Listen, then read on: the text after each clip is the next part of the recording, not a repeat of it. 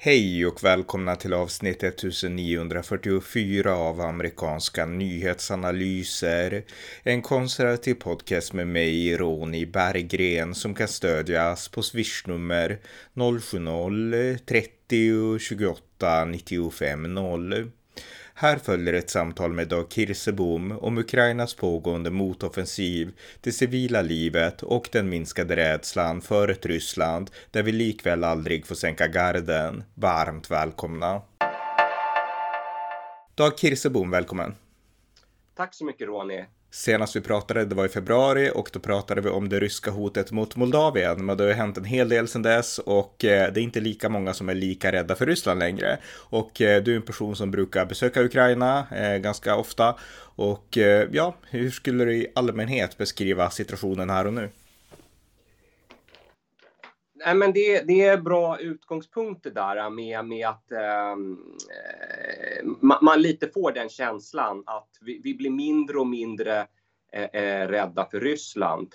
Eh, och, och, det här stödet som, som västländerna har givit, det har ju successivt ökat med, med, med, nya vapen och, och, och, och, och äh, även volymen är större och så vidare. Va? Så, så det liksom trappas upp hela tiden. Det är ju lite den här uh, koka grodan. Va? Uh, man, man, får ju den känslan att uh, ja, du, min, du minns ju själv i början på kriget där och då, då var det ju hjälp, kärnvapenkrig och och, och, även Biden sa ju hela tiden, vi ska inte eskalera, eskalera. Det var, det var ett så livsfarligt ord. Um, och, och, jag tänker ju även våran um, debattartikel i Aftonbladet. Mm. Uh, som du och jag skrev där om, om, att Sverige borde ge JAS till uh, Ukraina. Vi skrev, vi skrev den i juli förra sommaren i Aftonbladet. Exakt, mm. juli 2022, så, så uh, mer än ett år sedan. Och, och, nu är det ju på G va? Mm. Så, så, så, så det, det, det, det, hela tiden så här, dels ligger det väl i våra demokratier är långsamma, va? NATO är långsamt, alla ska komma överens och sådär. Eh, eh, men det är ju frustrerande alltså. Man känner ju, tänk om det här hade, stödet hade kommit från början. Då, då, då kanske Ukraina hade vunnit kriget redan. Mm. Alltså jag, ja förlåt. Ja, nej, nej, jag hade inget där, utan nej, ja. nej, precis. Nej, nej, det kan man tänka, alltså vi borde ha gett det här stödet i direkt initialt skede, men nu har det ändå gått, eh, ja, vad blir det för något, snart, snart två år, ett och ett halvt år. Och vi är som sagt inte lika rädda för Ryssland, och det måste ju gälla Ukraina också, för jag menar om vi tar den här motoffensiven nu, det är det man har pratat mycket nu under den här hösten om, att Ukraina håller på att ta tillbaks de här områdena i östra Ukraina som Ryssland fortfarande ockuperar. Och eh, ja, vad är dina övergripande tankar om mot motoffensiven. Den tycks ju gå bra, är mina liksom reflektioner. Ja, men jag, jag, jag, tror det är bra att, att, att, förstå lite det övergripande här, för det blir lätt detaljdiskussioner om olika byar hit och dit och, och, och hur många kvadratkilometer Ukraina lyckas ta och sådär. Va? Mm. Så, så eh, för, för, för, för, det, är, det är verkligen rörigt och, och det, det är helt enkelt um, Eh, i, i vissa avseenden obegripligt eh, eh, rörigt. Och jag kan inte komma på att det har varit så här rörigt. För, för att i grund och botten så är ju territorium är ju binärt. va? Det, det är liksom ett eller noll. Det, det är svart eller vitt. Eh, eh, eh antingen tillhör ett territorium ditt land eller så gör det inte. Det, det, det finns ingenting emellan. Va? Mm. Men, men, men, i det här fallet så har vi lite fyra olika kategorier. Eh, du, du, du, har ju dels Ryssland, alltså e, deras erkända gränser. Sen har du Krim då som de annekterade 2014. Mm. Sen har du eh, fyra nya oblast då som det heter, som är landskap eller län då, motsvarande svenska eh, Lugansk, Donetsk, eh, Zaporizjzja och Kherson. Som, som eh, eh, Ryssland för ett år sedan, eh, i september förra året, annekterade de här områdena. Och, och sen för att göra det riktigt absurt så annekterade de, de, så, de ryska eh, trupperna eh, ockuperar inte hela de här oblasten eh, Lugansk, Donetsk, Zaporizjzja och Kherson, utan delar av dem. Och mm. olika mycket, nästan hela Lugansk och eh, eh, eh, ganska lite av Kherson och Zaporizjzja och sådär. Men, men då, Ryssland har alltså annekterat territorium som de inte ockuperar. Och det, och det, här är ju så, så absurt så det går, det går ju knappt att förstå det. det ja, men det, det, är som att säga att eh, liksom, om Ryssland därifrån, liksom abstrakt från Moskva, Moskva skulle säga att nu har vi annekterat en del av Småland. Ja. alltså, det är bara teoretiskt, det är deras syn på saken, ingen annan ja, erkänner ja. det och de har ingen makt att implementera det. Ja. Så, så jag, jag försöker, jag, jag gillar lite att försöka sätta mig in i hur fienden tänker. Så mm. jag försöker, hur, hur, hur kan man komma på en så konstig idé? Ja, ja, och de är ju ändå nu inne nu i Ryssland på, de pratar ganska mycket, nej men vi måste förhandla, vi måste förhandla säger de och sådär va. Vi är redo att förhandla. Så jag undrar om de inte är så fräcka så att de ska försöka få det då till, ja men okej, vi gör en jätteeftergift i de här förhandlingarna. Så, så vi annekterar inte Småland. Vi, vi, vi, går med på att vi inte har Småland, som de aldrig har intagit. Va? Det, vad, vad, annars kan, kan liksom poängen och det, och det, vara? det visar ju lite också den bristande självinsikten. Därför att okej, okay, om man har någon slags maktposition att kunna pressa på liksom att vi, vi liksom nu äger vi inte Småland längre och man har maktmedel att faktiskt äga Småland. Men annars blir det bara komiskt, alltså man låtsas, ja men just Småland är ju ett bra exempel liksom. Om man låtsas äga Småland utan att ha någon som helst makt att implementera det, då framstår man ju bara helt vansinnig. Och de kanske inte ja. fattar att det är så de framstår i omvärldens ögon. Nej, precis. Ja, men om, om du tar ett annat historiskt exempel då. Eh, eh, eh, det var ju krig mellan Israel och eh, arabländerna. Och eh, då intog Israel eh, Golanhöjderna som är på gränsen mellan Syrien och Israel. Och, och du, du hör ju på, på ordet Golanhöjderna så, så det, det, det, är mycket högre upp än, än, Israels territorium nedanför. Jag, har varit där, det är, det är häftigt. Mm. Jaha, du har varit där mm. till och med? Mm. Ja. Nej, men det är ju jätteviktigt strategiskt beläget. Va? Det är inte så stort område, men, men det är väldigt viktigt strategiskt därför att Därför att eh, eh, den som innehar det, då om Syrien har det där territoriet, då kan ju de eh, bomba ner, ner mot Israel va? Och, och det är jättesvårt att inta det. Mm. Men, men Israel annekterade, de, de bara, Israel ockuperade det där äh, territoriet, men de annekterade det inte eh, eh många decennier. Va? Eh, eh för, för, att de förstod att enligt internationell rätt har de inte möjlighet att göra det och så vidare. Men, men de vill, vill ju absolut inte lämna tillbaks det här territoriet till Syrien eftersom det är så strategiskt viktigt. Nu undrar jag om det inte var några år sedan de faktiskt gick ut med nej nu annekterar vi det här territorium territoriumet. Men det var, det var nog så. Jag tror även Donald Trump erkände att Golanhöjderna tillhör Israel. exakt. Och det var ju typ liksom efter 40-50 år att de hade ockuperat det. Mm. Så, så, så, du jämför det då med den här ryska eh, eh, eh, taktiken att annektera territorium som de inte ens har ockuperat en endaste gång. nej, nej det är, det, det, alltså det, exemplet med Småland är perfekt. Vi har annekterat Småland, okej. Okay. Ja. ja. ja. men nej, det är intressant. Men, men, mm. Så komplicerat alltså där i östra Ukraina. Ja, ja, ja verkligen. Och, och, och um, Alltså, och, och eh, eh, alltså kriget nu och den här motoffensiven, det är ju då inom de här oblasten. Eh, eh, eh framförallt nu så är eh, det, det är ehm, Donetsk oblast där det här Bachmut ligger som det, det strider och, och, och, där Ukraina anfaller nu då. Och sen har du ju Zaporizjzja oblast, ehm, liksom stridslinjen går ju mitt i det oblastet. Va? Och där avancerar också Ukraina för närvarande.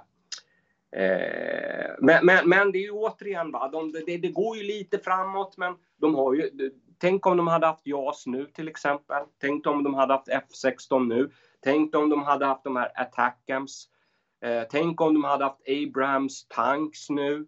Eh, så det, det, um, det, men det, de går ju lite, lite långsamt framåt, det gör de ju. Så det är liksom den militära offensiven som Ukraina för fram då, det är mest marktrupper som rör sig framåt. Det är alltså inte flygvapen, de har inte det och det är inte liksom, ja de har väl HIMARS i och för sig och sådär, men, men det är liksom marktrupper som rör sig sakta framåt. Det är grunden ja. i motoffensiven. Mm. Ja, ja.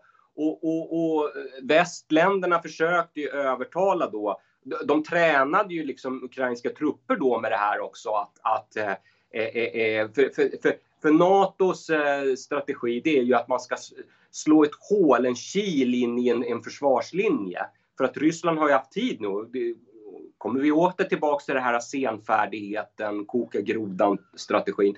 Eh, så de, Ryssland har ju haft eh, ett år på sig att bygga upp försvar, försvars, jättestark försvarslinje här. Va?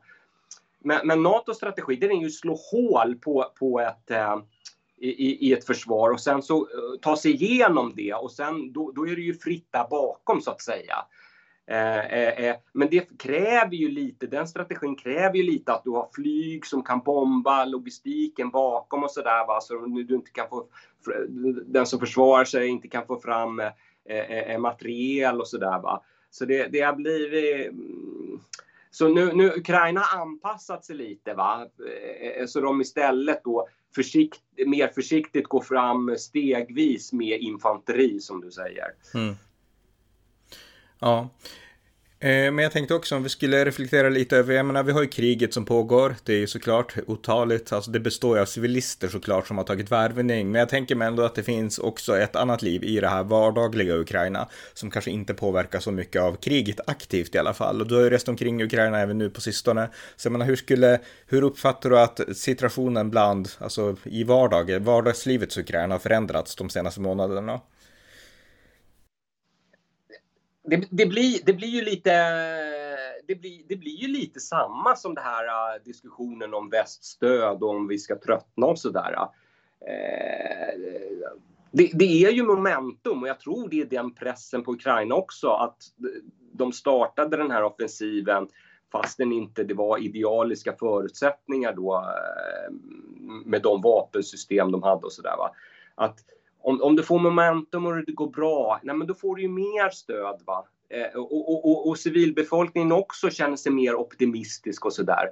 Så, så um, det, det, det, är klart att det tär ju. Och nu är det många, jag, jag har hört ganska många som säger så här ja ah, nu kommer en till vinter och de, de, de kommer snart börja bomba det här du, du vet hur det var förra vintern. Eh, Ryssland hade ju en kampanj. Va? De riktade in sig på sån här eh, infrastruktur med energi. Va? Och det, det, du, du, elen var avstängd dagar. Du, du hade inte vatten. och ingen värme då på vintern. Och ingen värme. Och det, det, det, nej men folk är oroliga för att nu kommer de göra det där igen, Ryssland. och, och, och, och Eh, ja, jag, jag har kommentarer typ att, att det, det kommer bli värre än förra, förra vintern. Mm. Jag vet väl inte riktigt det, riktigt det, för att mitt intryck är väl kanske snarare att Ryssland inte riktigt har lika mycket missiler va, sparade inför den här vintern som de hade inför förra vintern. Och dessutom så har ju Ukraina starkare luftförsvar nu. Eh, speciellt Kiev, vet du, det är ju nästan ingenting som kommer igenom till Kiev. De har ju fått så här Patriot mm. som mm. de skyddar Kiev. Eh, och det är effektivt? Ja, det är ju väldigt effektivt. Eh, eh det, det, det, det har skjutit ner eh, nästan allting där. Mm. Så det är nästan ingenting som träffar Kiev nu faktiskt. Mycket intressant, mycket intressant. Mm.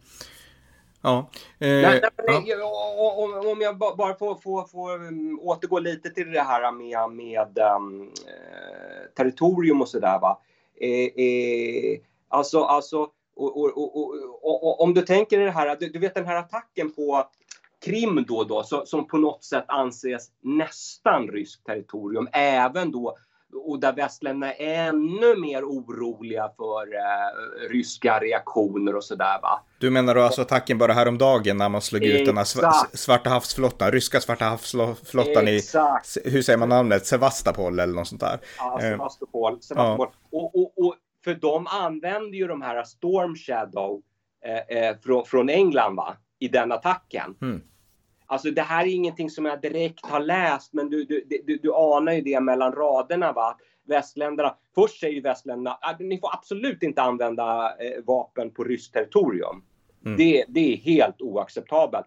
Men, men jag har fått intrycket av att de har egentligen sagt tidigare att ni får heller inte använda mot Krim för att det är väldigt känsligt. Mm. Liksom. Mm. I synnerhet förra, förra året, i början av kriget, då var man ju jättenoga. Men nu är man ju inte det längre. Man ser Nej, mellan fingrarna. Mm. Så, det, så det, det, det, det, tillåts ju mer och mer och jag tyckte det var väldigt intressant och det, och det har liksom kommit ut offentligt och sådär. Nej, det var Storm Shadow som, som förstörde den här uh, ubåten där i Sevastopol och, och Ryssland har ju inte direkt då reagerat på det, för tidigare har de ju sagt så här anfallen i Krim, då är det kärnvapenkrig liksom. Mm. Det är ju eh, det är ju helt oacceptabelt och sådär. Och nu, nu, nu gick ju det också va. Och, och, och, och det, alltså eh, Ukraina har ju följt de här direktiven som väst har gett dem och direktiven är ju ni, ni får inte eh, eh, eh, eh angripa ryskt territorium. Men, men, men, jag menar enligt internationell rätt så har Ukraina all rätt i världen att, anfalla ryskt territorium. Mm. Eh, eh, därför att eh, eh, som försvarande land får man det. Mm. Eh, eh, och, och, och för, för, att ta, ta, ta, för att ta en jämförelse. Du vet när Irak invaderade Kuwait 1990 Eh, Eh, då, då säkerhetsrådet eh, eh, sa att nu, det är tillåtet att befria Kuwait. Och, och eh, då byggde de ju upp en jättestor styrka i Saudiarabien. Och så satte Irak då, satte liksom hela sin armé på gränsen mellan Kuwait och Saudi, Saudiarabien.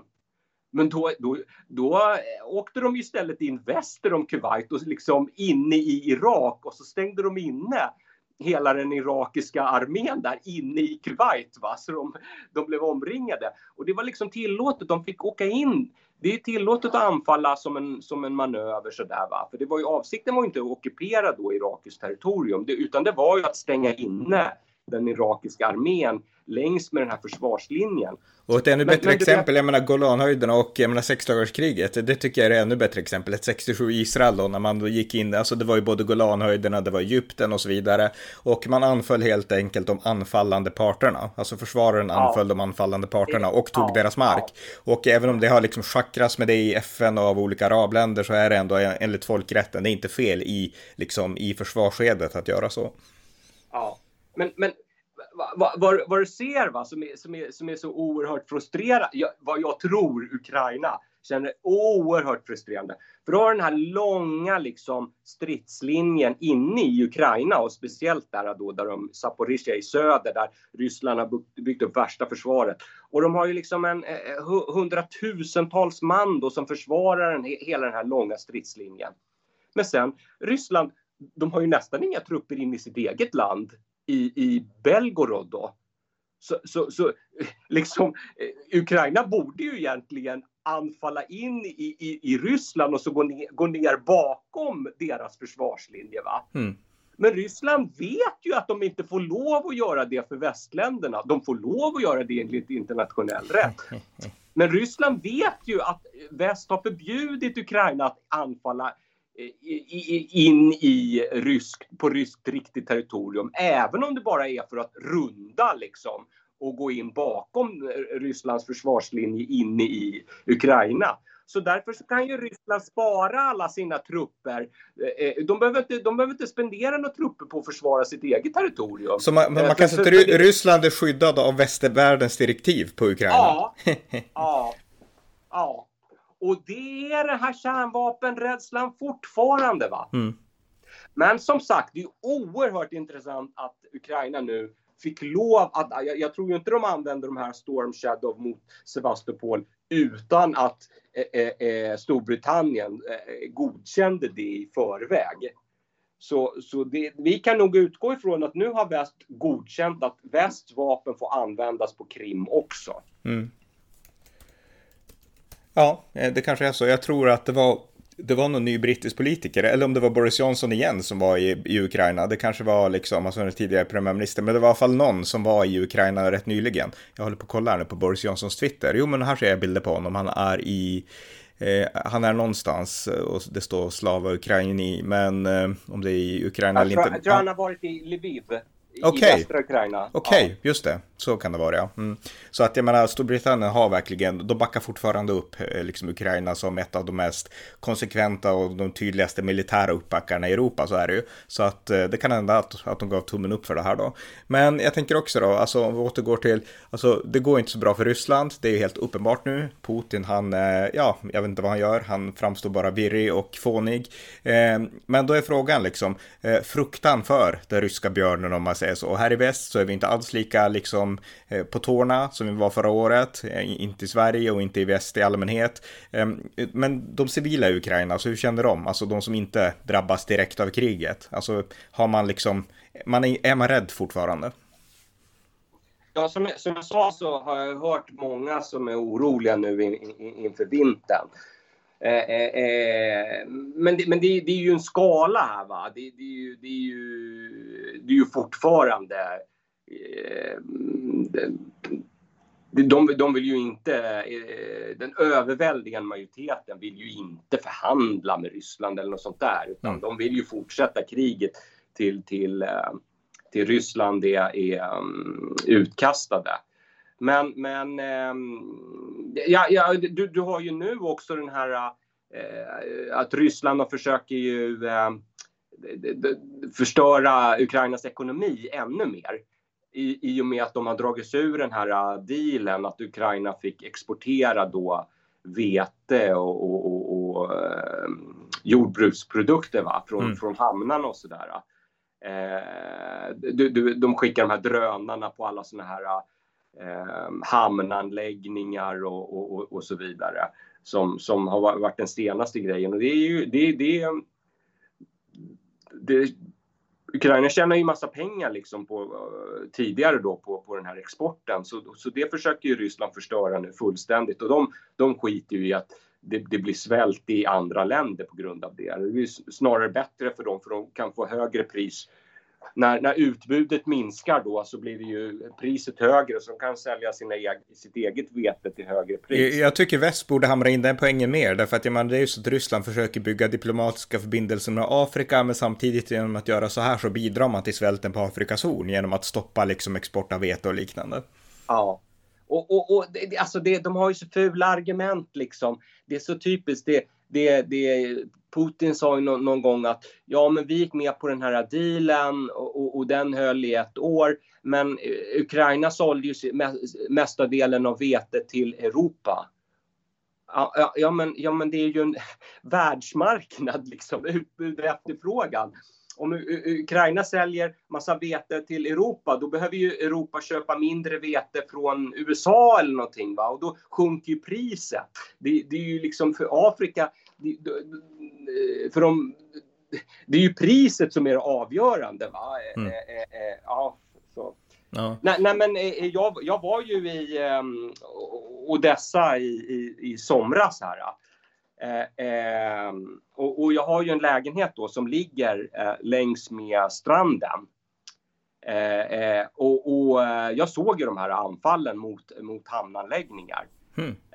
Nej, det, det är helt sjuk eh, att man, man har sett något, något sånt. Alltså om, om, du tänker dig typ när du var barn va? Och, och, och så var det här med, med, med blixt och åska.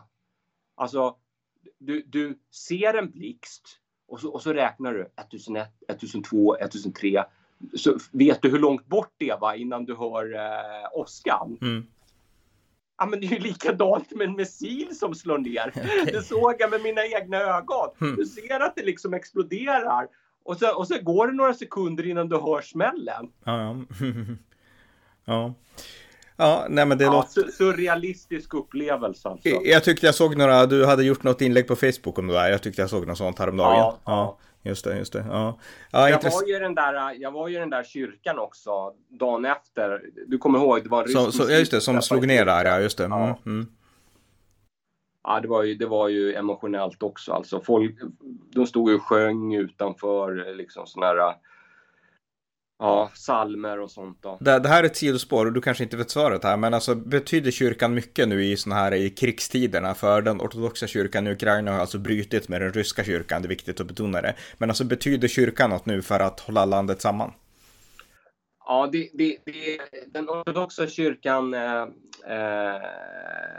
eh, eh, alltså förut så var det bara en ortodox kyrka va, som var under Moskva.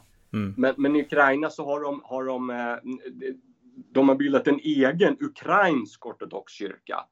Så, så, och det gjorde de ju redan innan kriget. Mm. Eh, eh men, men det är olika såna församlingar och så. Va? så några församlingar gick ju då över till den här ukrainska ortodoxa kyrkan. Några församlingar var kvar under den här ryska ortodoxa kyrkan.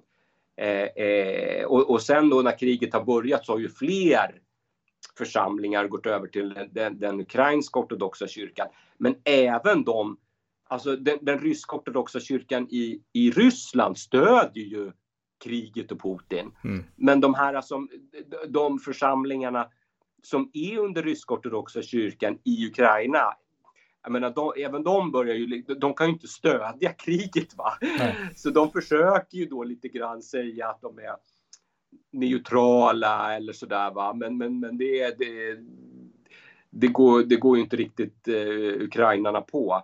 Så, så, men, men, men eh, det, det, det, så det är ju klart att det är ju, den här ukrainska ortodoxa kyrkan har ju växt väldigt mycket sedan kriget började.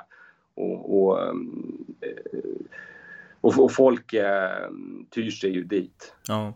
Eh, jag tänkte också om vi skulle börja avrunda med en fråga, alltså, hur ska vi få, alltså som sagt, kriget går dåligt för Ryssland, vi är inte längre riktigt lika rädda för kärnvapen, sen är det ju ett faktum att om Putin vore en riktig vettvilling så hade han kunnat använda sådana. Och då hade vi behövt bli på alerten igen, så att vi får inte glömma kärnvapnens roll i det här kriget. Men likväl, vi är inte lika rädda och vi är också allt mer ointresserade. Och då är frågan, hur ska vi göra för att få liksom omvärlden, jag menar det politiska etablissemanget, både USA och Europa, de vill ju fortfarande stödja Ukraina, men desto mindre intresse blir bland allmänheten, desto större risk är det ju också att det politiska stödet för Ukraina minskar. Så jag menar, hur ska man göra för att liksom hålla intresset för Ukraina levande även bland en allmänhet? Jag menar, här i Sverige så pratar vi nu mer om våldsbrott och liksom eh, brottsligheten på gatorna, gängstrider och så här i Sverige och vi tycker att det är viktigare och mer angeläget och för oss är det ju det såklart. Men det här storpolitiska, det är också en del som vi inte får tappa, vi som svensk allmänhet. Så hur håller man intresset vid liv för Ukraina? Det, det, det, den bistra sanningen är nog lite det som vi var inne på tidigare. Det, det är liksom framgång föder framgång. Mm. Så, så, så eh, det behövs framgångar på, på eh, slagfältet eh, för att hålla det liksom levande i nyheterna och i media. Sådär. Och, och för att vanlig skattebetalaren som inte är i, i, i till exempel Sverige som inte är jätteinsatt ska, ska, ska känna då att pengarna kommer till nytta. Eh, är, är det någon slags första världskrigets stillestånd eh, eller första världskriget där de bara stångas mot varandra och massa dör? Mm. Ja, det, det, det, är ju, det är ju risk då. Eh, annars tycker jag väl just Sverige, det, det förvånar mig. Sverige är ju verkligen de länder som har ställt upp mest, som är mest när du gör sådana här opinionsmätningar och sådär, mest ställer upp eh, för Ukraina. Eh, men, men, det är klart att det, fin det, det börjar ju krackelera lite. Det är väl jag, vill, jag vill ändå lägga in ett starkt, alltså det här är verkligen någonting jag respekterar statsminister Ulf Kristersson för, att han så tydligt har stått upp för Ukraina hela vägen. Så jag menar, han har verkligen en stor eloge till honom för stödet till Ukraina. Jag tycker att Moderaterna är svaga i andra områden, både när det gäller brottslighet och islamisering i Sverige och så, men när det gäller Ukraina så har man verkligen, man har varit spot on från början, Moderaterna, så att det ska de ha cred för tycker jag. Bra, det, jag, jag håller med. Eh, och, och, även försvarsministern, han, han verkar bra också mm. tycker jag. Mm. Ja. Men, men jag skulle vilja lägga till en liten sak där faktiskt, som, som inte är så mycket nu i nyheterna, som var en del i början. Men, men, men eh, jag anar att det pågår någonting under ytan där va, som, som inte riktigt har, har skett ännu. För, för du är ju lite inne på då, och, och det är ju media också, att tiden talar mot Ukraina va? för att väst kommer att trötta och civilbefolkningen där kommer inte orka och sådär. Men, men jag tror att rysk ekonomi är mycket värre däran än, än, än vad man ser. Mm. För, att, för att i början var det ju lite det här, man förväntade sig de här sanktionerna och sådär, att det skulle kollapsa. Och det har det inte gjort. Och då har lite den, den, det narrativet försvunnit va, ur ja. rapporteringen. Nu pratar men, man mer om att sanktionerna funkade inte alls, det var meningslöst och så vidare. Mm. Exakt, exakt. Men du vet vad, vad Eh, eh, eh, alltså Putin han hade ju förberett det här kriget i förväg. Eh, eh, eh, de hade ju byggt upp en, en, en stor oljefond som ju är helt enkelt sparade pengar. lite som Norge har då till exempel. Eh, men, men, men, vi var ju så naiva då, liksom. vi förstod ju inte på varför Putin byggde upp den här oljefonden. Och det, för det här har ju han planerat i många år naturligtvis. Men saken är ju den, Ryssland har ju budgetunderskott nu för det, det, ju, det, det, kostar ju så mycket pengar det här kriget, även om de fortfarande tjänar massa pengar på olja och gas och sådär. Nu, nu, nu kostar ju eh, kriget så mycket pengar så de har ju bud, eh, kontinuerligt budgetunderskott. Och de har ju liksom fått naggat på den här oljefonden. Eh, och dessutom så var de ju lite klantiga då, då att hälften av pengarna i oljefonden fanns på bankkonton i västländerna och västländerna har ju frusit de där pengarna så Ryssland har ju inte dem. Mm. men den här andra halvan hade de ju då inne i Ryssland. Men, men, men som jag har förstått så kommer de där pengarna ta slut i år. Mm. Och, och då är det ju, ska du ha budgetunderskott då va? Då blir det ju mer det här att trycka mer pengar eller, eller eh, för, för om, då, eh, Ryssland kommer ju inte få lån av då västerländska banker eller något sånt där. Va? Eh, eh, eh, och, och eh, man, man, kan ju se nu att marknaden har börjat förstå det här att det, det är fara på färde för rysk ekonomi. Du vet den här do, rubeln har ju försvagats mycket mot dollarn och är uppe nu på 100 rubel för en dollar. Vilket ju är samma sak som att säga att en rubel är en cent. Ja, och blir det inflation så kommer det ändra, bli ännu värre liksom i sådana fall. Mm. Ja, och räntan har de ökat den senaste månaderna, månaden från 8,5 procent till 13 procent.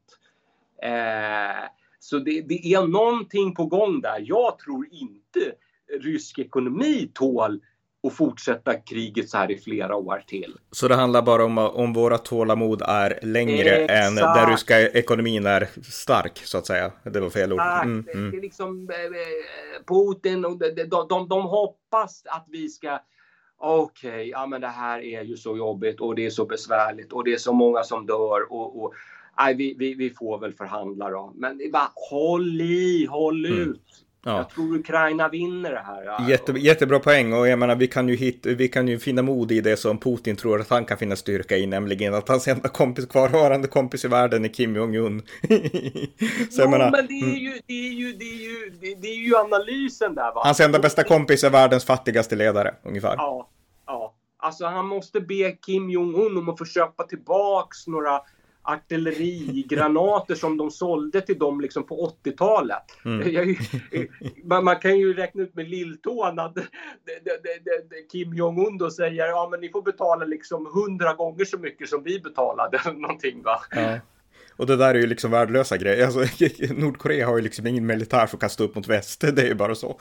så att... Ja men alltså det är ju inte värdelöst. Va? Får, får du liksom tre miljoner artillerigranater. Så även om, om, om eh, en miljon är, är värdelösa, det, det, det, det, hjälper ju liksom. Mm.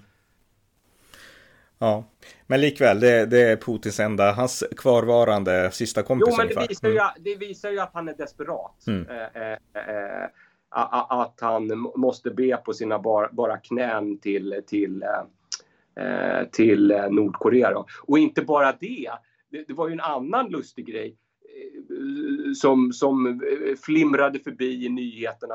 Ryssland har skrivit av sina fordringar på afrikanska länder. Mm. Eh, för, för, att de är så desperata va, att få något stöd, att de här afrikanska länderna ska rösta med dem i FN eller någonting. Man fattar ju att det har varit någon, någon slags byteshandel där. Mm. Men va, va, liksom, rysk ekonomi är jättedålig, eh, eh, eh, räntan är upp, valutan är ner, budgetunderskott. Och så bestämmer de sig för att skriva av, eh, jag tror det var 25 miljarder dollar i fordringar på, på afrikanska länder. Varför då? Mm. Ja, men det, det, det, finns ju bara en anledning, de vill ha någonting tillbaks. Och jag menar, det, här, det lilla de kan få tillbaks där i form av liksom diplomatiskt stöd eller någon röst i FN, det betyder ju inget i praktiken. Det märkte du när vi kriget bröt ut. Jag menar, då röstade hela världen nästan mot Ryssland, men det spelade ingen roll. Ryssland gick in i alla fall. Så jag menar, det blir ju bara liksom en fjäder i hatten, men det blir helt meningslöst. Ja. Så jag menar, i praktiken så Rysslands enda sätt att överleva är att vinna militärt och ingenting tyder på att de gör det, utan tvärtom, Ryssland håller på att förlora.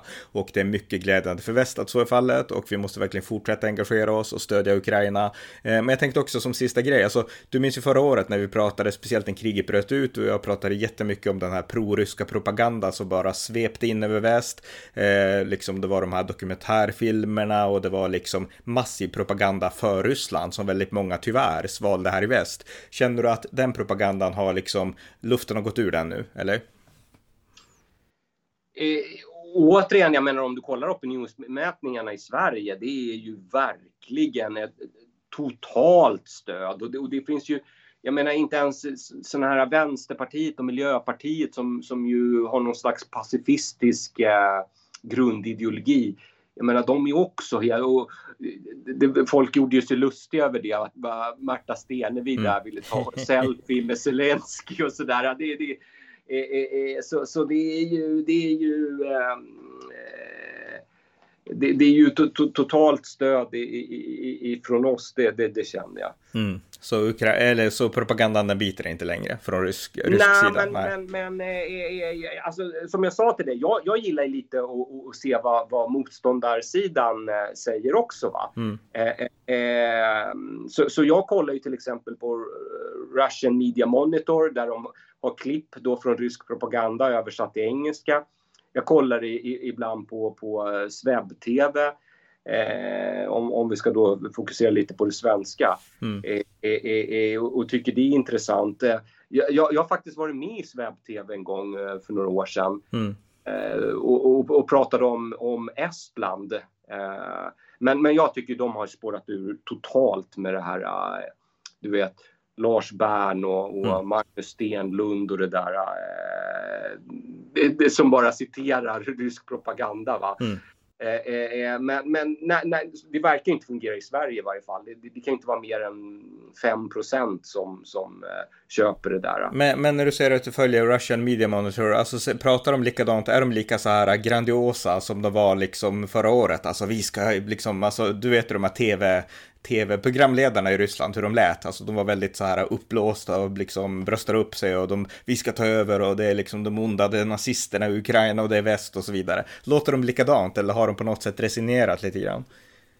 Nej, de låter lika, likadant. Så, det, så det, det, det, man undrar, har de inte hört den här äh, äh, barnsagan om, om pojken som ropade vargen kommer? Jag menar, jag menar om, man, om man säger nu, nu, nu startar vi kärnvapenkrig i ett och ett halvt år. Om ni gör det här så startar vi kärnvapenkrig. Om vi gör det här så startar vi kärnvapenkrig. Men du säger samma sak fortfarande. Ja, det är så. Ja, okay. Ja. Men, men liksom, går, går ryssarna på det här fortfarande? Men de lever i en bubbla skulle jag gissa i alla fall. Eller liksom har ryssarna, känner de bara att det här är, vi vet att det här är propaganda och vi rycker på axlarna? Vad, har du någon uppfattning om det? Det, det, är väl, det är väl må, många eh, ute på landsbygden och sådär, de, de har ju bara den där tvn så, så, så, så de köper nog det där. Eh, I de större städerna så använder de ju VPN och sånt och, och, och har även eh, eh, internet då och kan kolla utländsk media. Och det finns ju, det finns ju också bra sådana här ry, rysk media som har flytt från, från Ryssland, va, som, som i Litauen eller någonting, som rapporterar på ryska. Mm. Så, som, som ryssar i Ryssland då kan se med, med VPN. Så, så där, där är det nog ganska många som förstår att det här, det här är en katastrof alltså. Eh, men, men det är klart, de vågar inte säga det offentligt. De vågar inte demonstrera. Nej. För då, ja. men, men de har ändå insikten underifrån, för det är intressant. Så Ryssland har fortfarande inte lyckats, för det var ju mycket försök att strypa, försök att strypa informationen in till Ryssland förra året och så. Jag menar, men man har fortfarande inte lyckats bli som Kina ännu. Nej, det, det, det har man inte och det, det är Alltså, alltså det, det, det, det, om du helt bara får propaganda hela tiden så, så då, då, då, som jag beskrev då folk på landsbygden. Ja. Eller att du tillhör en generation som bara ser på tv liksom. Ja, ja, ja, mm. men precis. Mm. Eh, om, om det var det enda du tittar på någonsin så, mm. så ja, då, då, köper du det. Men, men, men um, jag, jag, menar bara, bara ja, men, ja, men Sveb-TV är ett bra exempel. va?